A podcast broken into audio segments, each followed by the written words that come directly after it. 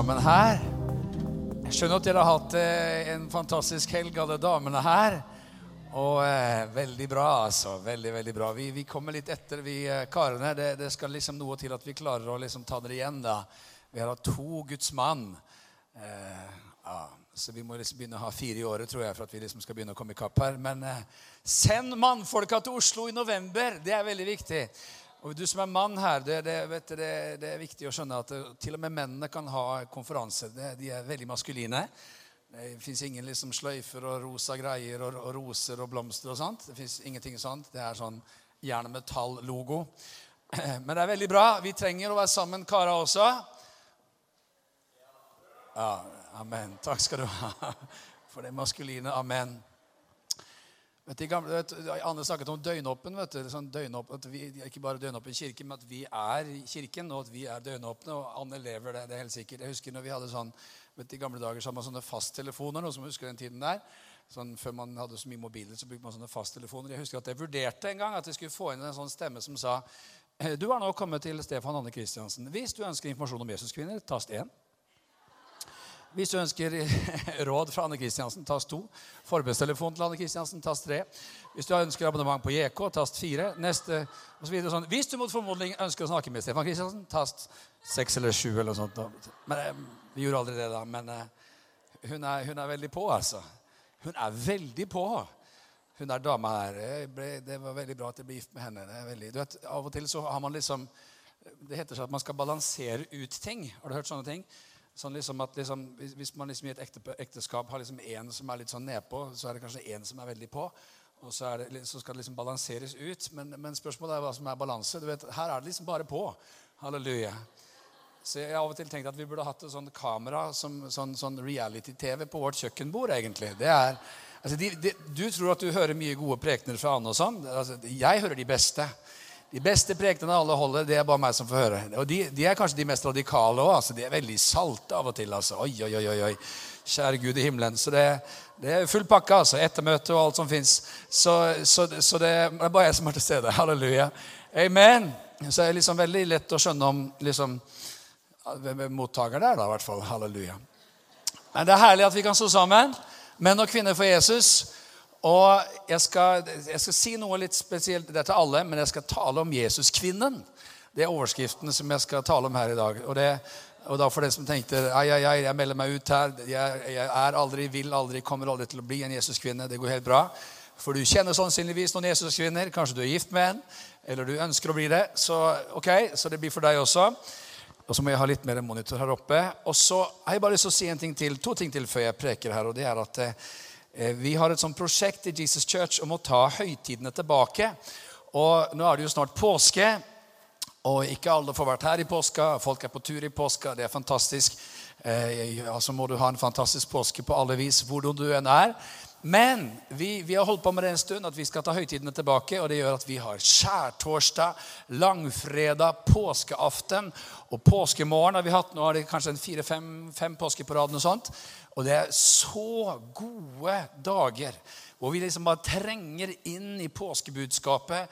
Det er lovsang, og det er, det er forskjellig musikk, og det er, det er, forkynnelse. Det bare sentrerer seg om det Jesus gjorde på korset. Drar oss inn i det sentrale. Så gode dager. Og, og, veldig fint å ta med seg folk også. Du vet, eh, Folk som kanskje ikke kjenner så Jesus så godt, de, de, de regner jo med at de kristne liksom virkelig flokker til, til kirken når det er påske. Du har kanskje hørt sånne kommentarer på jobben at liksom, ja, nå er det vel sånn høytid for deg, er det ikke det? Nå er det påske. Og du tenker høytid for meg, det er jo nå jeg tar fri. Men, men, det er veldig fint med påske. Og, og, det er godt at vi får lov til å ha en kirke her. og Vi flytta inn her for fire år siden. og da, Det første vi gjorde, var at vi hadde sånne påskegudstjenester. Veldig herlig. Og, og, snart blir det jo bare gudstjenester hele tiden. Jeg skjønte at dere hadde litt sånn, Jentene her hadde en sånn smakebit på dag og natt. Day and night. Og det blir så gøy, altså. Kan du tenke deg? Vi, vi liksom kjenner at det, det, det, altså det, det, kiler litt sånn på innsiden. Litt sånn ekstra. Vi har vært med på det noen ganger, han og jeg, at liksom en står innenfor oppstarten av noe helt nytt nå husker så godt at liksom, når vi starta ny generasjon 96, når vi starta Jesus Revolution 97 Det var liksom noe veldig konkret, det var noe veldig tydelig. Det var liksom ikke 'kom det, kom det ikke', 'skjedde det, skjedde det ikke'. Det var, veld, det var veldig tydelig før og etter, sammen med Jesus Church, sammen med Jesus Kvinner, når det ble starta i 2003. Eh, det feirer jo 15 år nå. Og på samme måten så kjenner vi nå at nå er det akkurat som at yes, here we go again. Nå kommer det noe nytt. Nå er det noe nytt som skal skje. Det er noe nytt som skal spire fram. Og, og, vi tror at det kommer til å ha stor betydning for veldig mange mennesker. Og man kjenner også en sånn ydmykhet overfor det at man skjønner jo at man bare er et bønnesvar. For det her er det så mange som har bedt for, og bedt om skal skje. Og det er interessant, det står i den brosjyren som, som, som er delt ut også. men vi hadde Håkon Fagervik til å, til å, preke her, og han fortalte oss noe veldig herlig. Han fortalte om et syn som Gud hadde vist ham på en av de første bønn for Oslo-samlingene, som var 200 meter herfra, i det bygget du kan nesten se gjennom vinduet der. Og så, så, sier han at i 2002 var vi samlet til bønn for Oslo i Geitemyrsveien på Sankthanshaugen. I et av bønnemøtene der så jeg et syn av en strøm som så ut som olje eller honning full av toner og noter rennende ned mot sentrum av Oslo. Kilden for denne strømmen kom ut fra Markus kirke, som ikke hadde mye aktivitet på den tiden.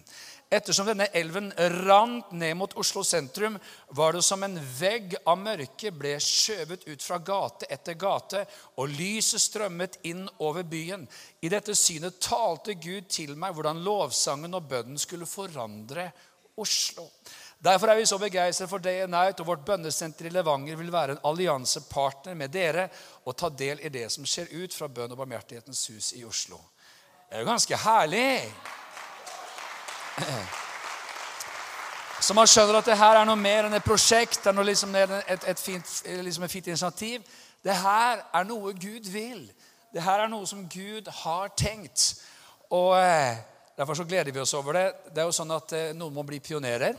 Noen, du vet, det er alltid sånn at noen de går inn aller først og blir med fra begynnelsen. Så er det noe som kommer etter hvert.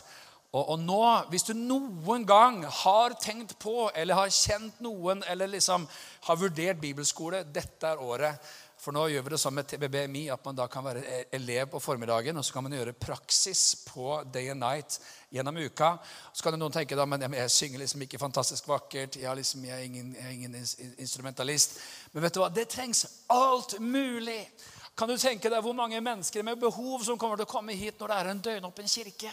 Det kommer til å komme folk av, med alle slags behov. Det trenger folk med svære hjerter.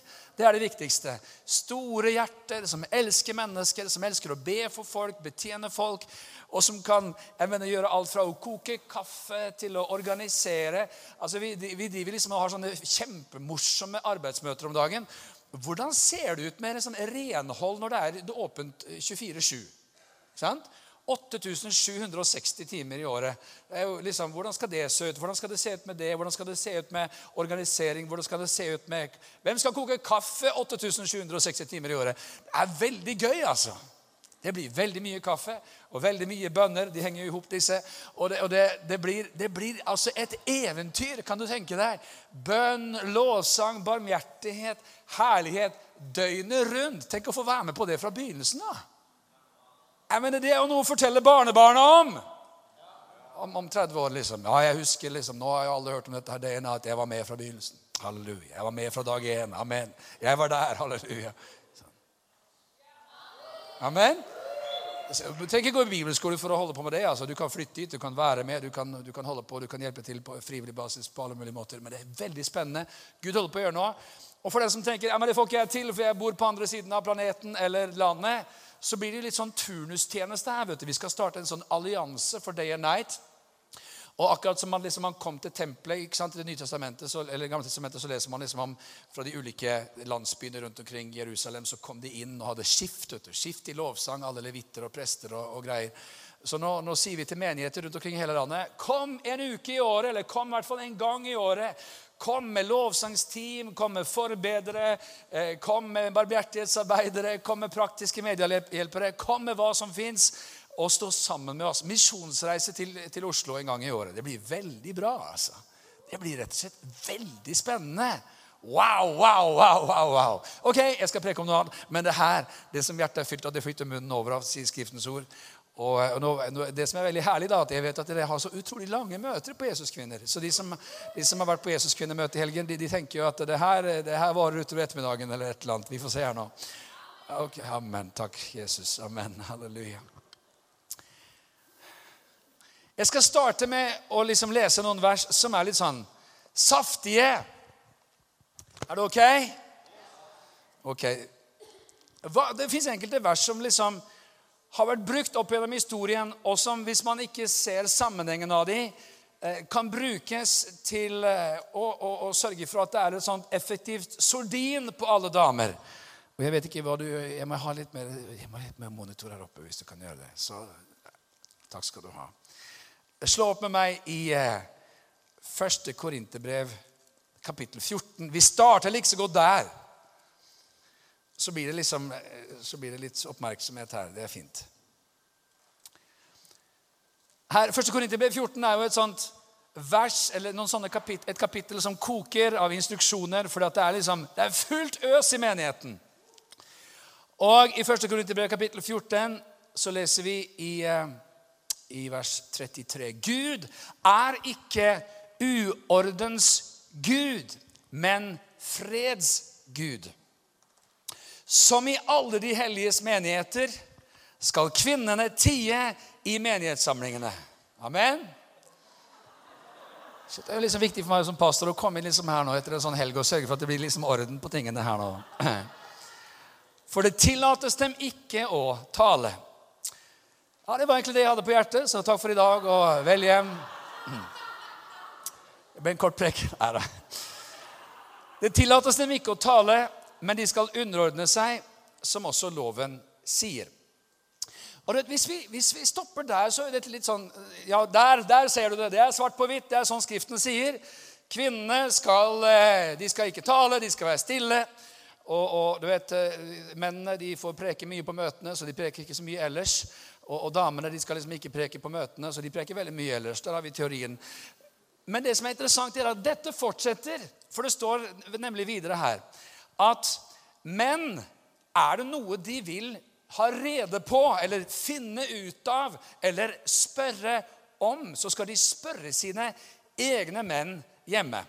For det sømmer seg ikke for en kvinne å tale i menighetssamling osv. Hva betyr nå dette her? Jo, du skjønner, Det som er litt interessant her Vi skal, vi skal ha det litt gøy her i dag. ok? Og Vi skal se på litt forskjellige sånne, sånne gode, saftige vers. Eh, for, for hvis, hvis, det liksom betydde tale, hvorfor står det da hvis det er noe de lurer på, så skal de spørre mannfolka sine hjemme? Jo, det var, vet, Er det noen som har vært i synagoge noen gang? Vi har en synagoge som ligger rett oppi gata her.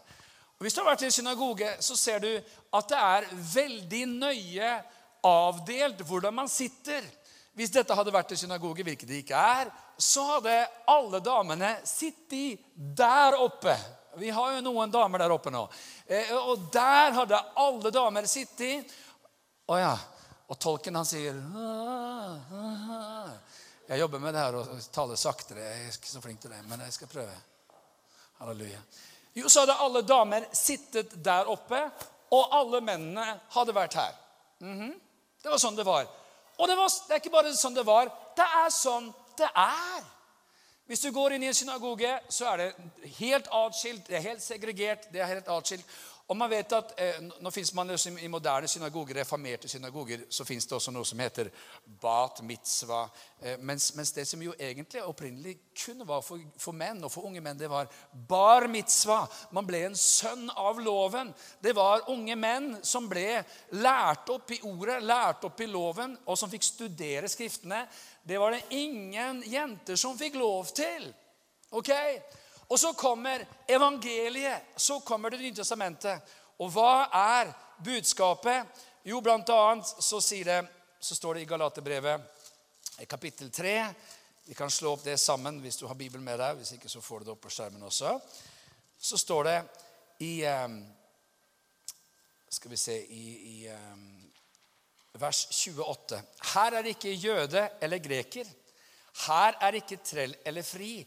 Her er det ikke mann og kvinne, for dere er alle én og i Kristus Jesus. Vet, når vi leser dette her nå i 2018, så kan man tenke ja, men det her er fint og det her er interessant. Men det her var en bombe. Det her var banebrytende. Det her var revolusjonerende. Hvorfor det? Jo, for det står jo noen sånne utrolig sterke statements. Hva står det for noe? Her er ikke slave eller fri. Kan du tenke deg hvordan det var i Romerriket? Jeg mener, Var du slave? Du hadde ingen rettigheter, du hadde ingenting du skulle ha sagt. Du hadde ingen stemmerett. Du var som en eiendom som folk kunne gjøre hva de ville med. Var du fri, var du fri. Var du slave, var du slave for livet. Du kunne selges, du kunne gis bort, du kunne gjøres hva som helst med. Og Paulus sier, 'Her er ikke lenger slave eller fri'. Kan du tenke deg? Og så fortsetter han å si, 'Her er ikke jøde eller greker'. Det var jo totalt atskilt. Jøder kunne jo ikke være sammen med grekere, kunne ikke spise med grekere. ble urene hvis de spiste med andre enn jøder. Det var totalt atskilt. Det er jo derfor liksom Paulus, nei, Peter han har kjempevanskeligheter når Gud sier til han at du skal dra til Kornelius' hus. Altså, det her var jo folk som ikke var jøder, og, og Gud viser ham visjoner igjen og igjen. og igjen, Så senker det seg liksom en, en det var tempo. ok. Så senker det seg eh, en duk ned fra himmelen, og han ser alle disse dyr, rene, urene dyr.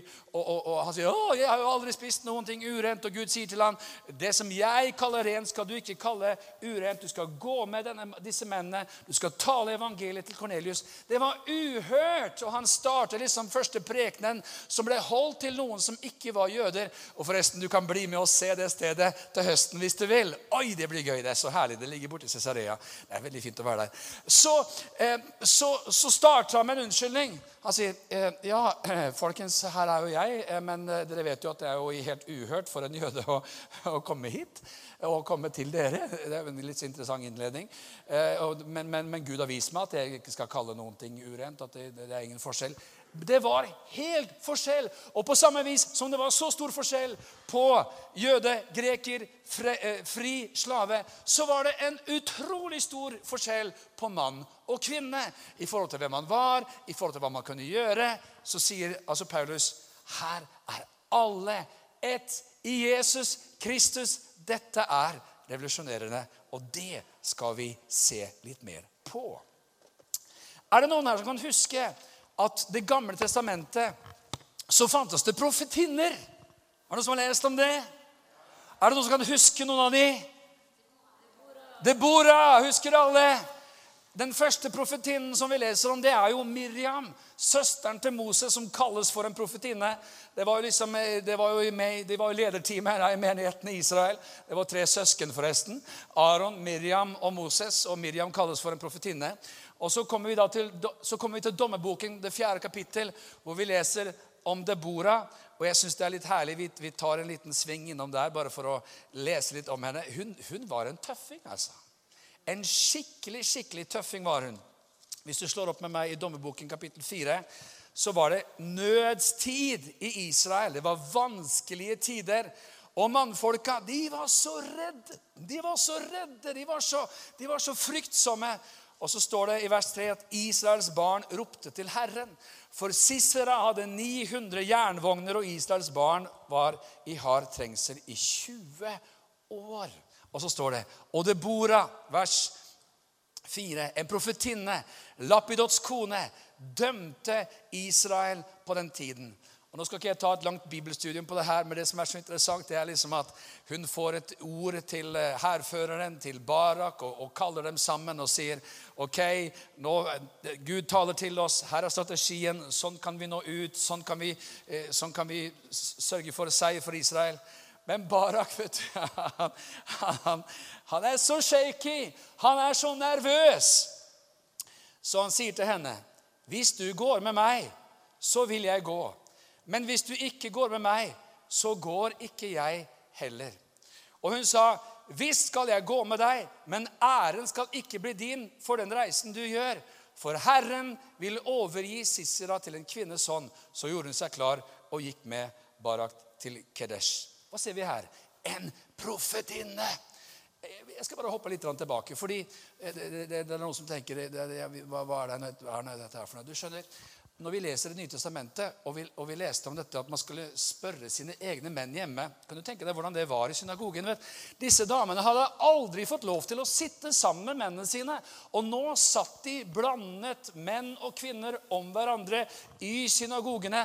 Og det var jo veldig vanskelig, vet du, for hvis du har prekt noen gang eh, Kan ikke vi liksom bare Hvis du og du og du Nei, ikke du, men du og du hvis, hvis, dere fire nå prater litt sånn høyt bare akkurat nå mens jeg preker Prat litt høyt. Ja, så, eh, så Det vi skal tale om i dag, eh, det er fra Josva. Josva. Altså, vi skal tale fra Josva. Vi skal tale fra Jos, Jos, Josvas bok, kapittel 1 dere, kan ikke dere ta og snakke om det der hjemme? da? Det er veldig fint at dere er engasjerte, men nå skal jeg prøve å si noe. Det er faktisk jeg som prøver å si noe her. Jeg taler her nå. Ja, dere lurte på Ja, akkurat, ja. Ja, Men ok. Nå skal dere høre. Hør nå her. Hva er det her? Det her er bare fem damer. Det her er bare fem damer. Men det er umulig å preke. Det går ikke. Så skjønner, Det her er veldig sånn praktisk Det her er liksom ikke og damer får aldri lov til å preke, damer får aldri lov til å tale. Det her er Paulus som sier, hør nå her, hvis det er noe dere lurer på, så spør mannfolka hjemme. Hjemme så, så kan dere liksom snakke om det her. For det blir jo håpløst å preke når, liksom, når, når, når han preker ikke sant, i menigheten. Og, du, hva mente han med det? Hva mente han med det? Jo, nå skal du høre her, Klara. Det han er, Klara var kanskje ikke noe navn, men nå skal du høre her. Det, det, som, eh, det som han mente, var det. Og jo, det her var egentlig Skjønner, Det var veldig praktisk. De måtte lære seg dette. Men det har ingenting å gjøre med at damer ikke får lov til å tale Guds ord. Og det skal vi se på, og det er så herlig og så spennende. Du har hørt om det Bora, men har du hørt om noen flere? Det er en til skjønner du, som du ikke må glippe. Det fins en fantastisk profetinne. Hvem var det kongene i Israel kom til i sin nød? Hva het hun? Anne vet det, det vet jeg, men eh, er det noen andre som vet det? Hun het Hulda. Har du lest om Hulda? Har du ikke lest om Hulda? Du har ikke lest om profetien Hulda? Kjære, hva holder dere på med? Altså, Du kommer til å komme til himmelen, og du kommer til å treffe henne. ikke sant? Du kommer til å spørre deg Du har lest om meg, ikke sant? Lest om deg? Hva, hva heter du for noe? Hulda? Lest om deg. Står du i Bibelen? Du må jo lese boka. Du må lese alt sammen. Du må lese fra start til mål. Hvis du går med meg i, til andre krønikebok, så skal vi hilse litt på, på Hulda i det 34. kapittelet. Hulda det var en gudskvinne. Av en eller annen grunn så har ikke det navnet liksom kommet opp på stjernehimmelen helt når det gjelder navnevalg og sånt. Men det er ikke for sent. Deborah, ikke sant? Maria, Miriam men, men Hulda det var litt av en dame. Og du skjønner, Det som skjer her, folkens, det er at Israelsfolket er i en kjempekrise. Det har vært så svært frafall fra Guds ord og fra Guds menighet at det skjer noe i, i 2. krønikebok, kapittel 34 og vers 14. Da de nå tok ut de pengene som var kommet inn i Herrens hus, fant presten Hilkia boken med Herrens lov som var gitt ved Moses. Da tok Hilkia til orde og sa til statsskriveren Shafan.: Jeg har funnet lovboken i Herrens hus. Og Hilkia overga boken til Shafan. Altså, hva i alle dager? Kan du, kan du, se, for, kan du se for deg Kan du se for deg at det er, det er et, et, et, et menighetslokale som er så fullt av skrep og rot og kaos. Man har båret ut statuer på avguder. Man har båret ut og brent og ødelagt i Kedrondalen statuer av fruktbarhetsgudinner i det ene tempelet for den hellige Gud. Kan du tenke deg om det var, om det var noe som satte opp det i et menighetslokale? Og kan du tenke deg om det var sånn at man hadde opprydning i menighetslokalet, og noen fant I alle dager, hva er det her for noe? Eh, 'Hallo, pastor, vi har funnet en bok.' Og pastoren sier, 'I alle dager, hva slags bok er det?' da skjønner du at det er skikkelig ute å kjøre. altså. Da skjønner du at det er liksom frafall og frafall. Det er to forskjellige ting. altså. Hva i alle dager er det her? Jo, dette er visst boken, den hellige boken. Og så begynner de å lese høyt i boken og tenker We are in big trouble. For det er det som nemlig skjer her. I vers 18 statsskriveren Shafan fortalte kongen at presten Hilkia hadde gitt ham en bok. Eh, unnskyld, konge, vi har funnet en bok, vi. Vi har funnet en bok i tempelet. Vil du høre? Ja, klart konge vil høre. Vers 19. Da kongen hørte lovens ord, flerret han klærne sine. Det var det man gjorde som et uttrykk på stor sorg og den ytterste nød. Det var egentlig et symbol på at man flerret sitt hjerte. Man flerret klærne sine. Og han tenkte vi er i stor nød. Kan du tenke deg? Israels konge hører Guds ord for første gang. Presten leser boken for første gang. Wow! Hvilken nødstid. Hvilken nødstid. Og hva gjør man da? Jo, det står videre i vers 21.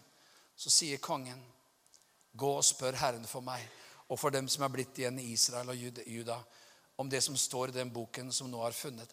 For stor er Herrens vrede som er utøst over oss fordi våre fedre ikke har holdt Herrens ord og ikke gjort alt det som er skrevet i denne boken. Så gikk Hilkia og de andre som kongen sendte, til profetinnen Hulda, ektefellen til kleskammervokteren Salum. Han var sikkert en veldig bra, bra kar, men han passet på klærne. så det var veldig bra. Sønn av Tokat, Kaseras sønn, hun bodde i Jerusalem i den andre bydelen. Vi, du kan bli med dit og se det også til høsten. det blir veldig bra. Eh, og de talte med henne slik som det var dem pålagt. Hun sa til dem, hør på det her, så sier Herren, Israels Gud, si til den mannen som har sendt dere til meg. Og så begynner Hulda å profetere til kongen, til landet, til nasjonen.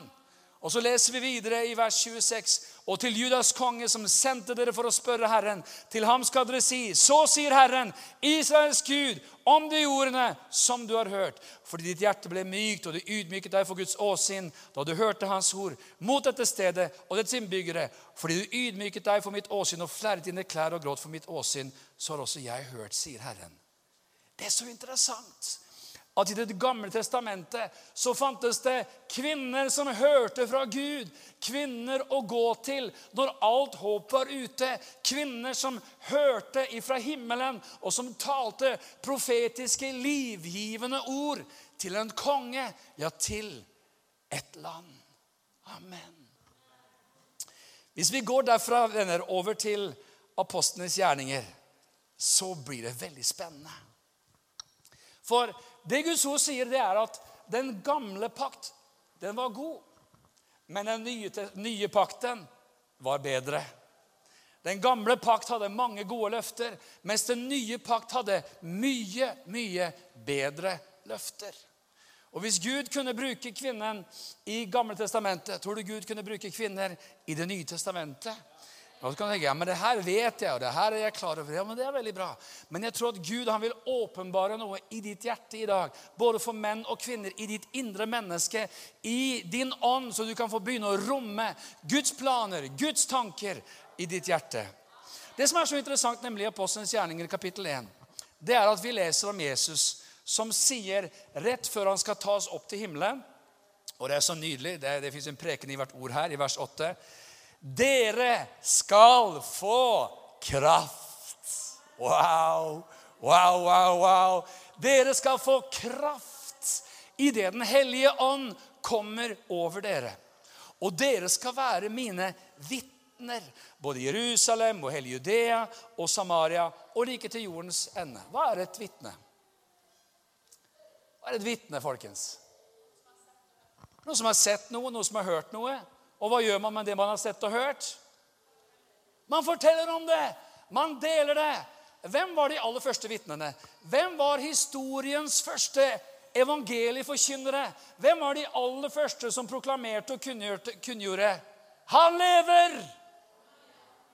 Det var jo kvinnene ved graven. Når kvinnene kommer ved graven, og stenen er tatt bort, så sier englene, Gå og forkynn, og gå og fortell til apostlene. Han er ikke her. Han er ikke i graven. Se, han lever. Og da går de av gårde vet du, og roper ut. Han lever, han lever, han lever. Det er evangeliet, det. Det er evangeliet. Evangeliets Martha, vet du. Halleluja. Martha, Maria Magdalena, denne gjengen her. Det var verdens første evangelieforkynnere. Yes! Så når de sier her om at dere skal få kraft i Den hellige ånd kommer over dere, og dere skal være mine vitner etter oppstandelsen, så vet disse folka hva det dreier seg om.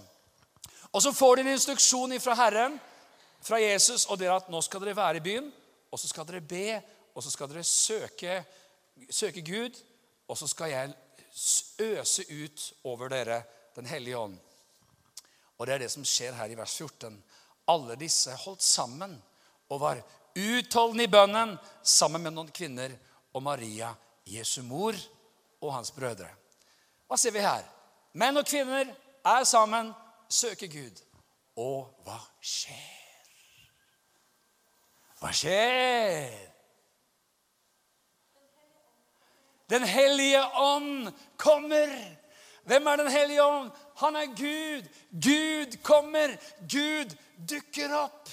Og vers 1 i kapittel 2 så står det Og da pinsefestens dag var kommet, var de alle samlet på samme sted. Det er jo i og for seg et mirakel i seg selv. Da kom det med ett et lyd fra himmelen, som når et veldig stormvær farer fram og fylte hele huset der de satt. Og det viste seg for dem tunger like som av ild som delte seg og satte seg på hver enkelt av dem.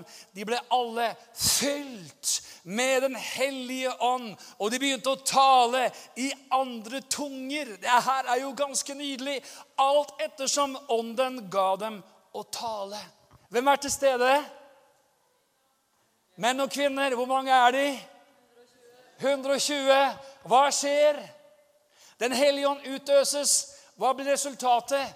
Det kommer illetunger over dem. Og de begynner å tale i nye språk, nye tunger. Det er som en sånn Herrens ladning som deporteres inn i deres innerste vesen. Det sprenges fullstendig. Og hva skjer da? Hva hadde Jesus akkurat sagt? Dere skal få kraft i Den hellige ånd kommer over dere, og dere skal være mine vitner. Det her visste jo de. Det hadde jo Jesus akkurat sagt. Så det er liksom, ok, nå har Den hellige ånd kommet. Um, hva gjør vi nå? Men det var helt åpenbart. Vi må vitne, vi må vitne, vi må vitne! Så de strømmer ut i gatene. Hør nå her. Var det menn og kvinner til stede? Mm -hmm. Var det sånn at det bare var noen som ble døpt i Den hellige ånd? Nei, de ble alle døpt med Den hellige ånd, og de talte alle med nye tunger. Og hva er det som skjer videre? Jo, Det står i vers 5. Nå bodde det i Jerusalem gudfryktige jødiske menn fra alle folkeslag under himmelen. Da denne lyden hørtes, samlet det seg en stor folkemengde, og de ble forvirret fordi de hørte den jeg hørte dem tale enhver på sitt eget språk. De ble helt ute av seg av undring og sa, 'Er ikke alle disse som taler galileere?' 'Hvordan kan det da gå til at hver av oss hører vårt eget språk?' 'Det som vi er født i, partere, medere, elamitter, vi som bor i Mesopotamia, Judea, Kappadokia, Pontius, Asia, Frygia, Pamfylia, Egypt og områdene i Libya mot Kyrene, og vi tilreisende fra Roma, jøder, tilhengerne av jødes tro, kretere, arabere. Vi hører dem tale, vi hører dem tale. Hvem taler? Hvem taler?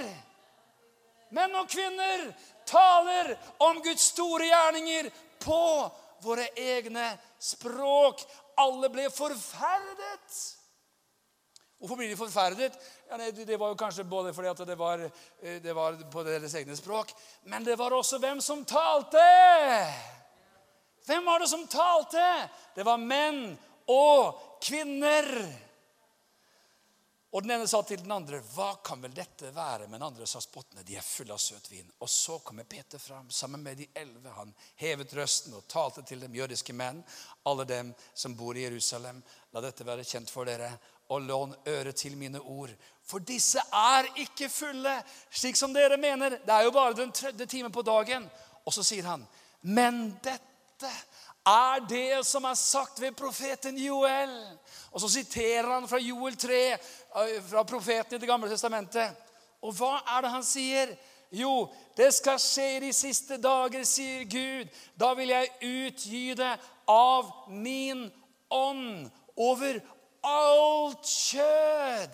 Deres sønner og deres døtre skal tale profetiske ord. Deres unge menn skal se syner, og de gamle skal ha drømmer. Selv over mine treller og trellkvinner vil jeg i de dager utgyde av min ånd, og de skal tale profetiske ord. Her, kjære venner, fødes Jesuskvinnen. Oh yes! Here she comes! Og hva er det Peter sier for noe? Jo, Vi kan jo av og til bare si, tenke at ja, men det Peter gjør her, er at han bare sier OK, det dere ser nå, er at Den hellige ånd er utøst. Dette er oppfyllelsen av profetien. Men hva er det han egentlig sier? Dette er det. Han forteller om to ting. Han forteller om noe revolusjonerende som Joel hadde profetert om i hundrevis på hundrevis av år. At skillet skulle bli borte. Det skulle ikke lenger bare være mannen som prekte, mannen som forkynte, mannen som fikk syner, mannen som profeterte. Nei, det skulle være menn og kvinner, sønner og døtre. Og det er som han bare kliner til skikkelig og sier til og med treller og trellkvinner, altså slaver og slavinner. Forskjellen er borte i Jesus Kristus. Den hellige ånd flytter inn i hvert menneske. Og menn og kvinner skal tale profetiske ord. Amen. This is that. Dette er det. Wow! Kan du fatte og begripe hvilken sjokkartet greie dette er i Jerusalem? Med byen full av damer som preker.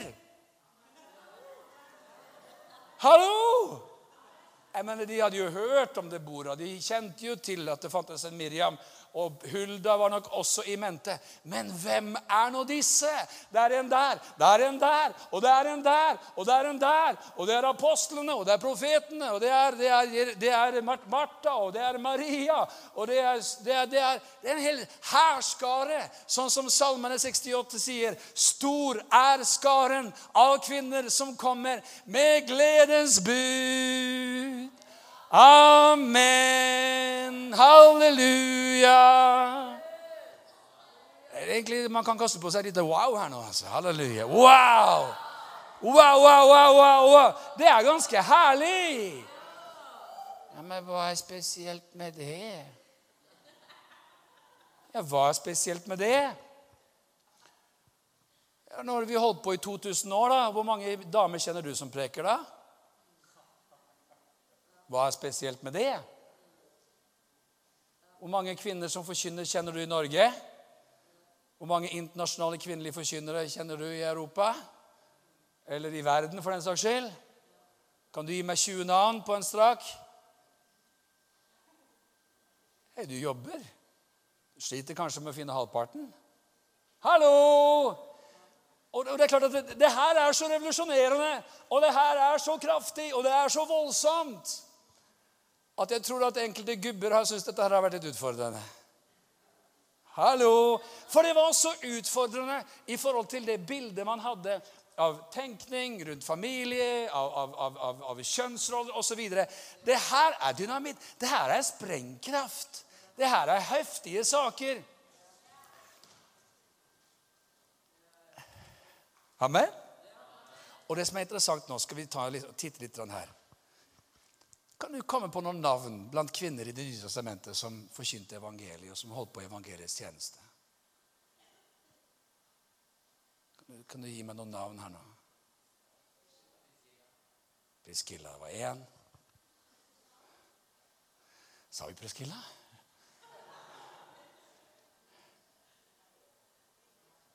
Maria Jo, ja, ja mm -hmm. nå, skal du få, nå skal du få 13 skal du få 13 damer i tjeneste her for Nytestamentet. Halleluja. Vil du ha det? Altså, vi må liksom dra det helt igjennom. så Det, blir oppvisning her. Halleluja. Det første vi leser om, eh, det er Lukas 1, vers 39-42. Og av og til så finnes det visse vers som vi har lest så mange ganger som vi nesten ikke ser hva, det, hva som er der lenger. og Vi skal ikke ta oss, vi skal, skal ikke ta oss bibelstudie her. Men, men, men, hva er det vi ser om der? Jo, vi ser Elisabeth, som er fylt av Den hellige ånd, og som taler med profetisk åpenbaring. For hva er det hun sier for noe? Herrens mor kommer til meg. Wow! Det er åpenbaring. Her kommer det en som er bærer av Herren selv. Her kommer det en som har Gud på, den, på innsiden, som den første av millioner som en gang skal få Jesus på innsiden. Så kommer det noen som er en bærer av Jesus til meg. Det er profetisk åpenbaring. Halleluja. Den andre vi leser om, er selvfølgelig Maria i Lukas kapittel 1, fra vers 46 og utover, som taler profetiske ord inn til Israel. Og i Lukas kapittel 2, vers 36-38, så møter vi Anna, profetinnen, som anerkjenner Jesus som Messias, og som taler til ham, til alle som lengtet etter trøst for Jerusalem. Det er den tredje. Og så I Apostelens gjerninger kapittel 18 så leser vi om dette ekteparet Priskilla og Akvilla. Eller Priska og Akvilla. Det fins forskjellige skrivemåter på det hennes navn. Og det som er litt interessant er at Da møter de en kar, Apollos, som var sterk i Skriftene og brennende i ånden. Men han hadde mange huller i troen sin.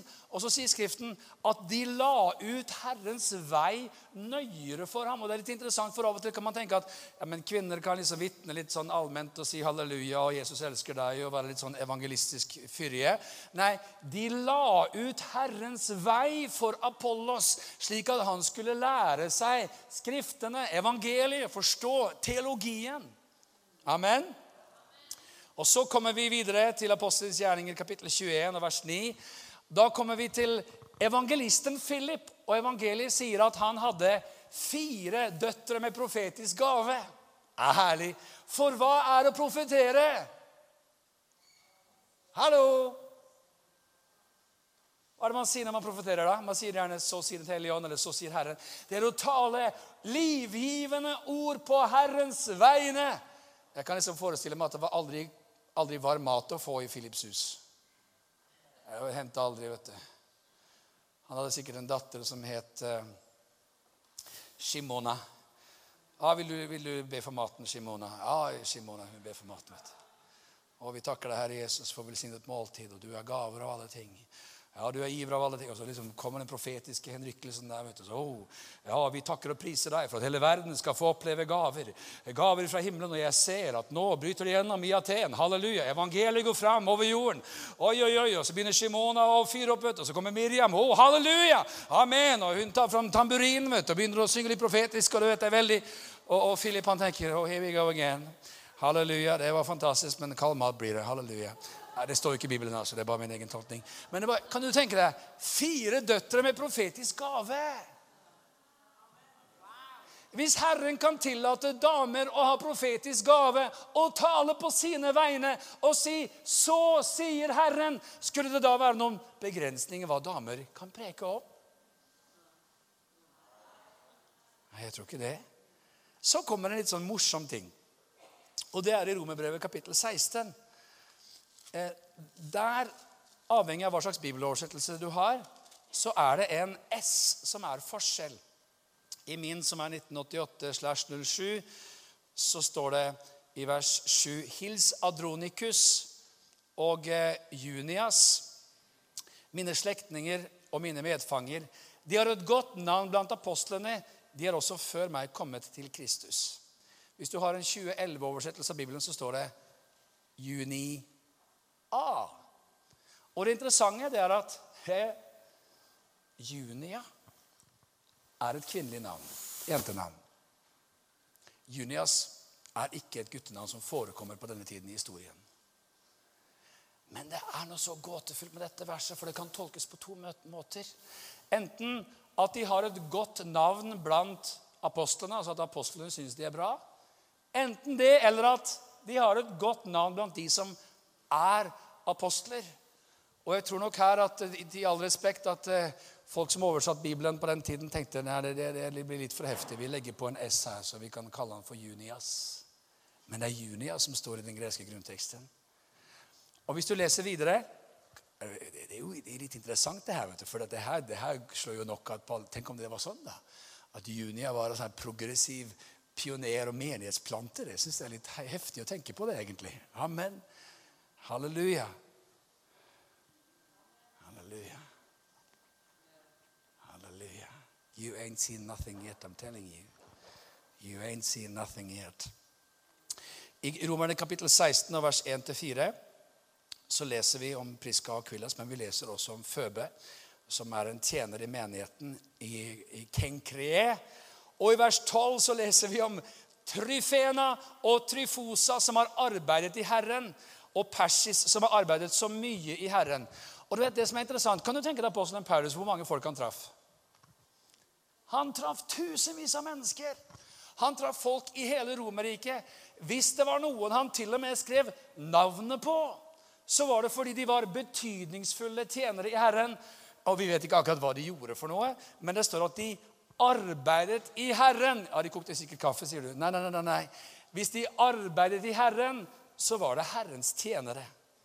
Amen? Til slutt så kan du lese i Filippebrevet kapittel 4. Vi tar det med også i rekka her. Jeg syns det er så interessant med disse navnene, for her står det nemlig om vers 2 om Evodia og Syntyke formaner jeg til å ha det samme sinn i Herren. To damer som var litt uenige i tjenesten her, egentlig. Ja, jeg ber også deg, du som med rette blir kalt Synsigus, kom dem til hjelp, for de har kjempet med meg i evangeliet. Taler om Evodia og taler om, om, eh, om eh, denne syntike, som var Paulus medstridere i evangeliet. Og til slutt Det var det som var til slutt, ja. Takk skal du ha.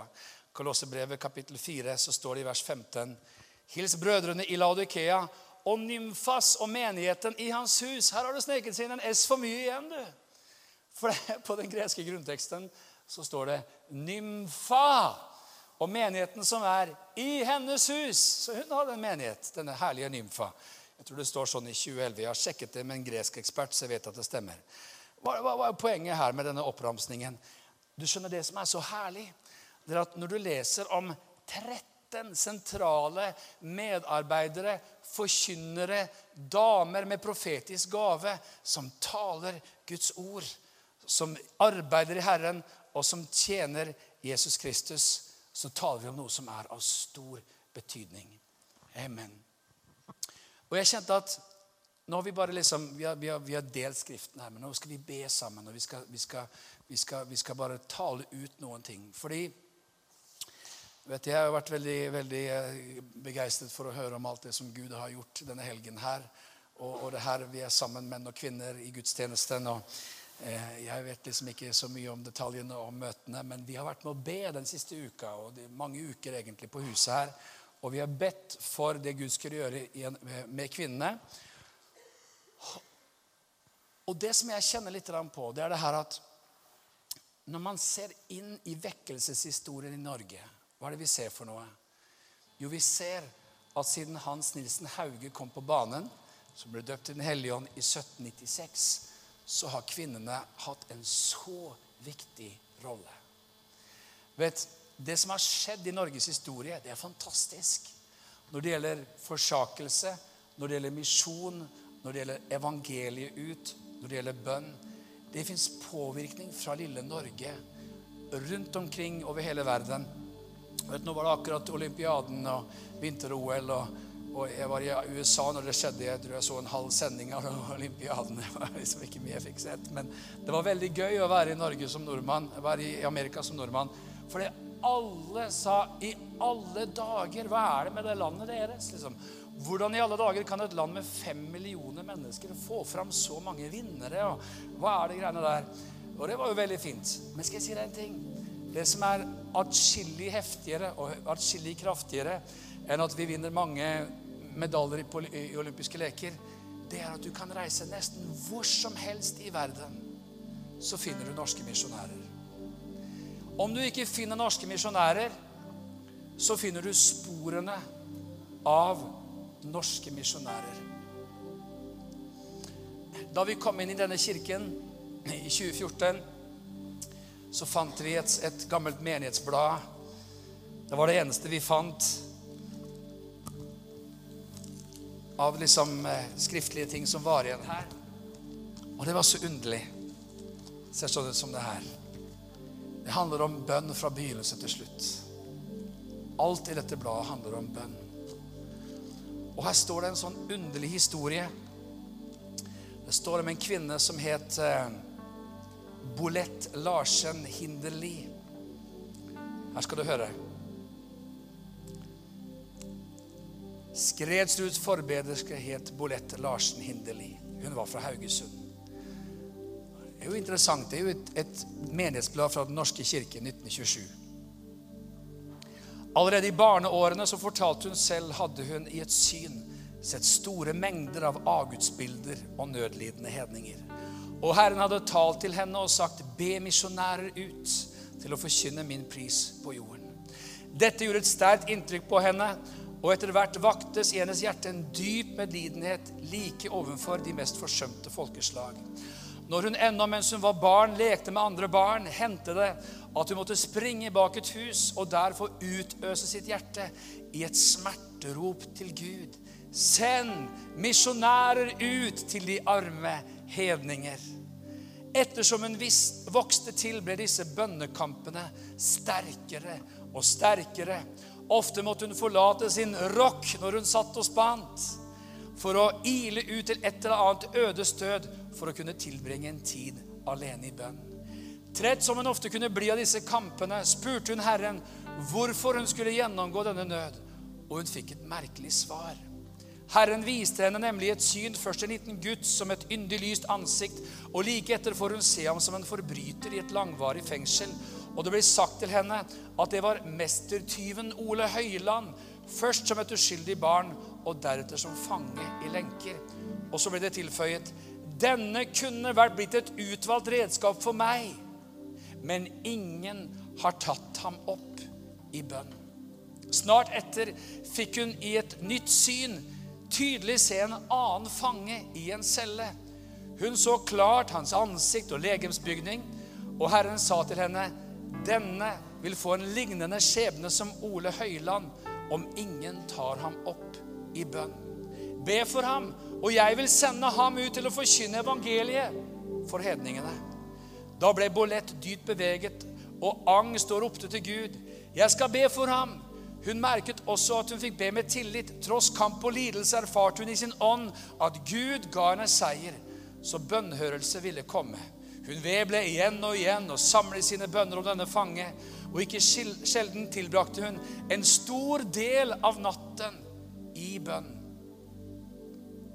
Ikke sjelden hendte det at hun sto opp ved firetiden og gikk ut av byen for å uforstyrret av alle inntrykk kunne rope til Gud for denne fange, hvis bildet vedbled fremdeles klart for hennes sjel. Det var i denne tid at Lars Olsen Skrefsrud kjempet sin veldige kamp i fengselet, og Gud overvant ham. Da hendte noe som brakte nytt liv i hennes sjel. Under et opphold i Stavanger hvor hun var i sylære, fikk hun høre et rykte om at en omvendt forbryter som lenge hadde sittet som fange på botsfengselet i Kristiania, var ventende til byen.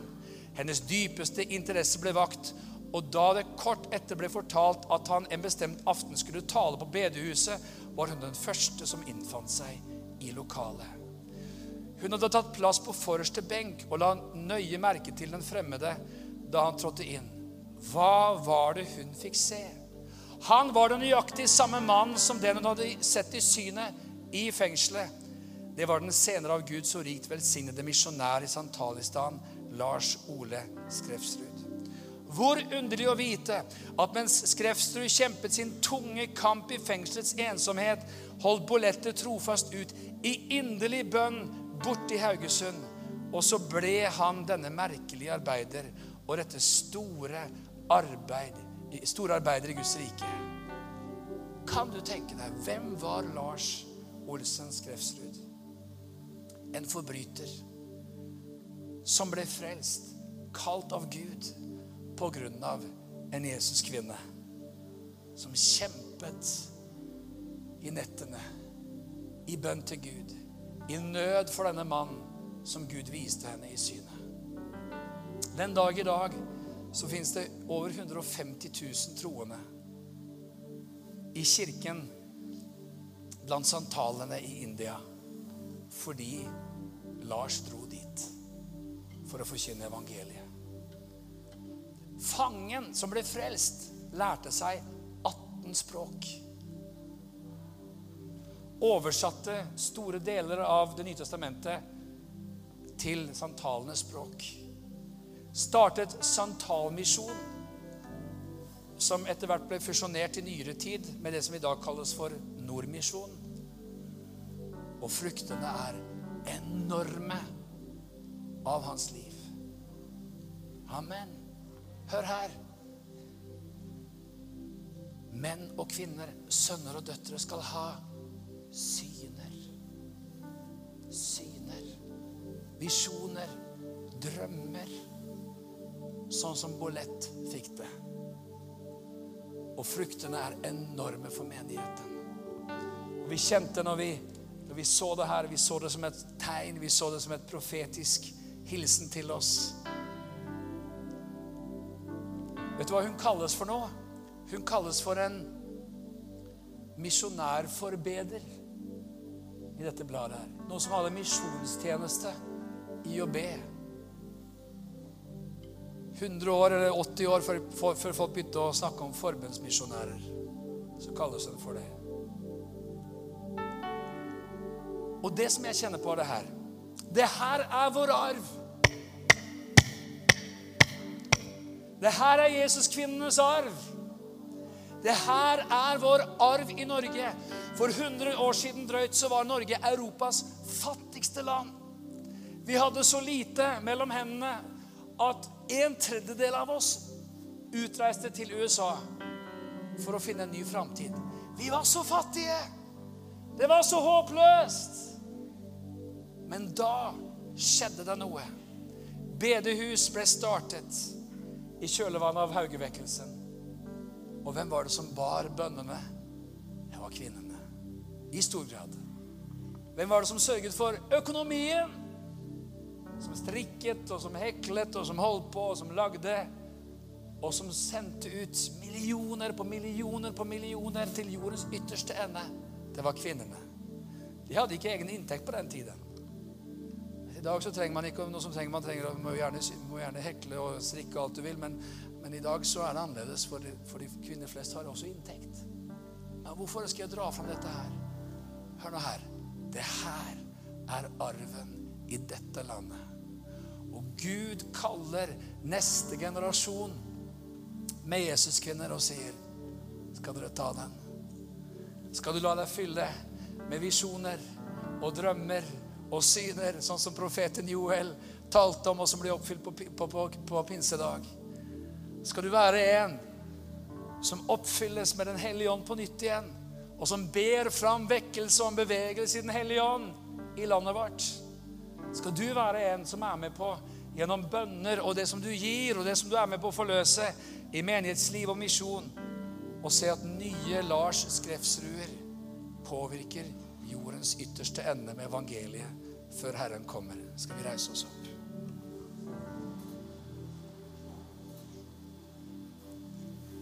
Halleluja. Takk, Jesus. Skal vi be sammen? Herre Far i himmelen, vi vil prise og takke og ære ditt navn. Vi vil takke deg for det som du gjør i landet vårt blant menn og kvinner. Akkurat i dag, Herre, så bare kjenner vi at vi vil takke deg spesielt for Jesus-kvinner. Vi vil takke deg for det oppdraget, helt spesielt. Og vi vil takke deg for alle Jesus-kvinner i Norge generelt.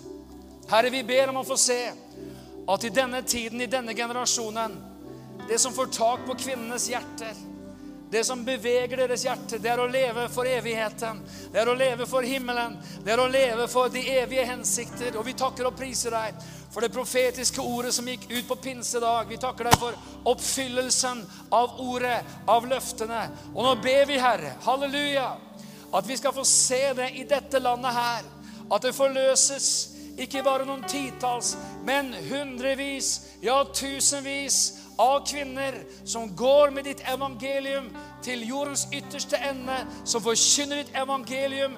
Vi takker deg, Herre, for det som er båret av kvinner i menighetsliv, i misjon, i søndagsskoler, i gudstjenesteliv, i bønnearbeid på ulike måter opp gjennom tidene. Og vi vet, Herre, at i stor grad så er det sånn i menigheten også nå at det gjøres veldig mye gjøres og ledes av kvinner. Herre, det takker vi deg for. Men vi forstår at det finnes så mye mer. Det finnes så mye mer. Og vi ber, Herre, om at det vi skal få se i Norge, det er også kvinner som profeterer, som taler profetiske ord, og som har lært seg forbønnens kunst, og som hører ord ifra himmelen, og som bøyer sine kne, og som gjenreiser de neddrevne bønnealterne i landet. Fra nord til sør, fra øst til vest. Herre, vi trenger ikke se på de store mengdene. Vi trenger ikke se på de største skarene. Det er aldri sånn som du ofte har jobbet, Herre.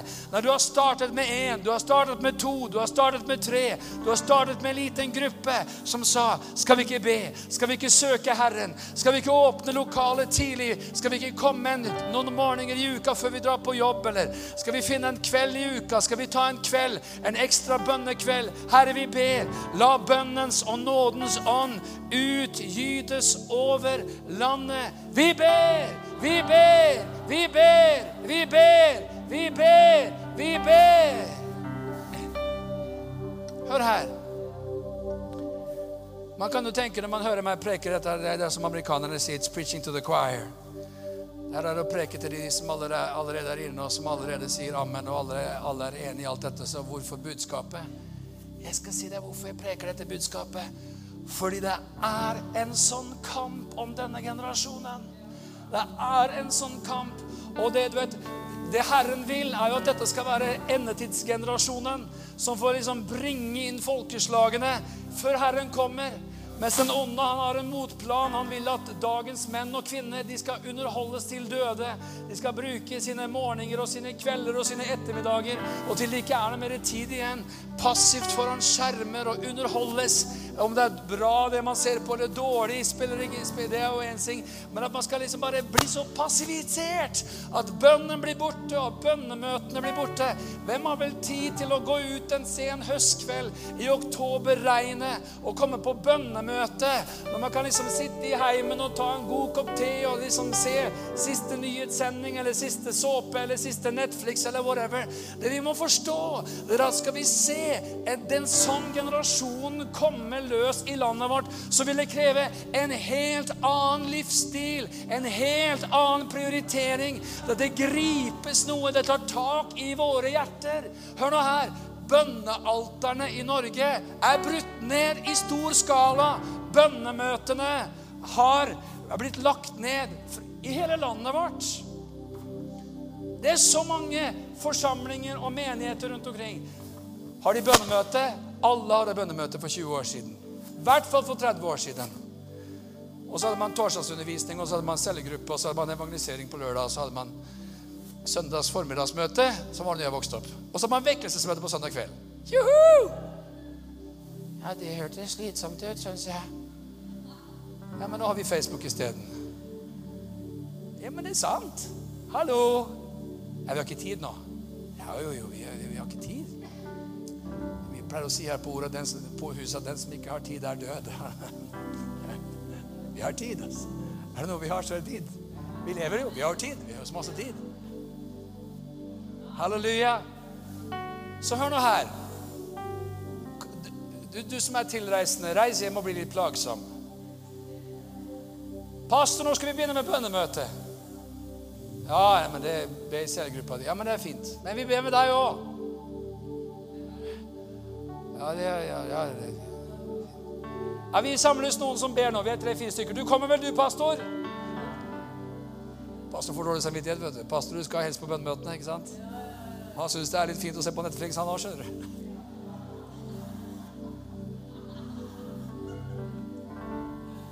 Det er ikke tull engang. Sånn? Er det synd å sitte og se på sånt? Det er ikke det vi sier. Men vi blir så passifisert. Blir sånn. Skal vi sitte der foran en skjerm, liksom? Skal det, skal det stå på din gravsten? Hun mistet ikke en episode. Full pott, liksom. Hæ? Come on, somebody! Halleluja! Bønnemøter, disippelgjøring, pionerarbeid, menighetsplanting. This is natural life for us. Det her er vårt liv. Snart kommer Jesus, snart kommer Herren. Og vi vil leve for Han. Amen.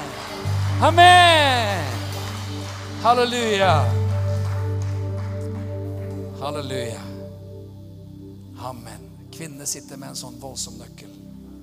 Halleluja. lyst oss bare takke Gud en gang til. Kan du bare legge hendene på den som står ved siden av deg? Vi vet at det er bedt for alt som kan krype og gå her denne helgen, så det er ikke det viktigste å, liksom, å kalle noen fram men vi ber sammen. Herre, her er vi, og vi forener oss i bønn til deg sammen. Takk, Herre, for at du bare du beseiler i ånden det som du allerede har gjort denne helgen. Og du lar oss mannfolka også få stå med i dette. Halleluja. Vi takker og priser og ærer deg. Halleluja. Jeg skal bare si et ord til. Det må bare se opp et lite øyeblikk. Det, det her er til noen. Men vi er så, så, så tradisjonelle ofte i vår tenkning. Og Hvis du er kvinne som er kalt til å forkynne Guds ord, så kan du tenke ja, men, ja, men da må jeg gifte meg med en mann som er predikant, da. Og som helst preker litt mer enn meg, og litt hvassere enn meg. Ellers så blir det liksom litt sånn vanskelig. Hvor står det? Ja, Men du og Anne, dere preker jo begge, og hva har det med saken å gjøre? Tenk på Salum, da, som var kleskammervokter. Det var jo fint, det passer på klærne i hoffet, men jeg mener, det var, ikke, det var ikke han de dro til når det var problemer. Det var profetinnen Hulda. Hadde Hulda en sterkere tjeneste? Ja, helt klart. Men jeg var sikker på at de var godt gift. Og Salum, han var trygg. Gå på bønnemøte til Hulda. Det er bra, det. Sant? Vi må ikke bli så tradisjonelle. Det er kvinner som er så tradisjonelle. Du kan være lykkelig kvinne og predikant og gift med en rørlegger. Som elsker deg, og som har orden på tingene, og som er en god familiefar. That's all you need. Det var et ord til noen. Halleluja. Det noen som ble løst her nå? Halleluja. Du at jeg kan gifte meg med kan Kurt som er rørlegger? Ja, du kan det. Halleluja. Og Kurt kommer til å bli så glad. Halleluja. Han har venta på deg lenge nå. vet Du Du har sett på hans rør og tenkt nei, nei, nei. Han må, bli, han må en profet som meg. Det går fint, det. Det går bra, skjønner du. Halleluja. Amen. Amen.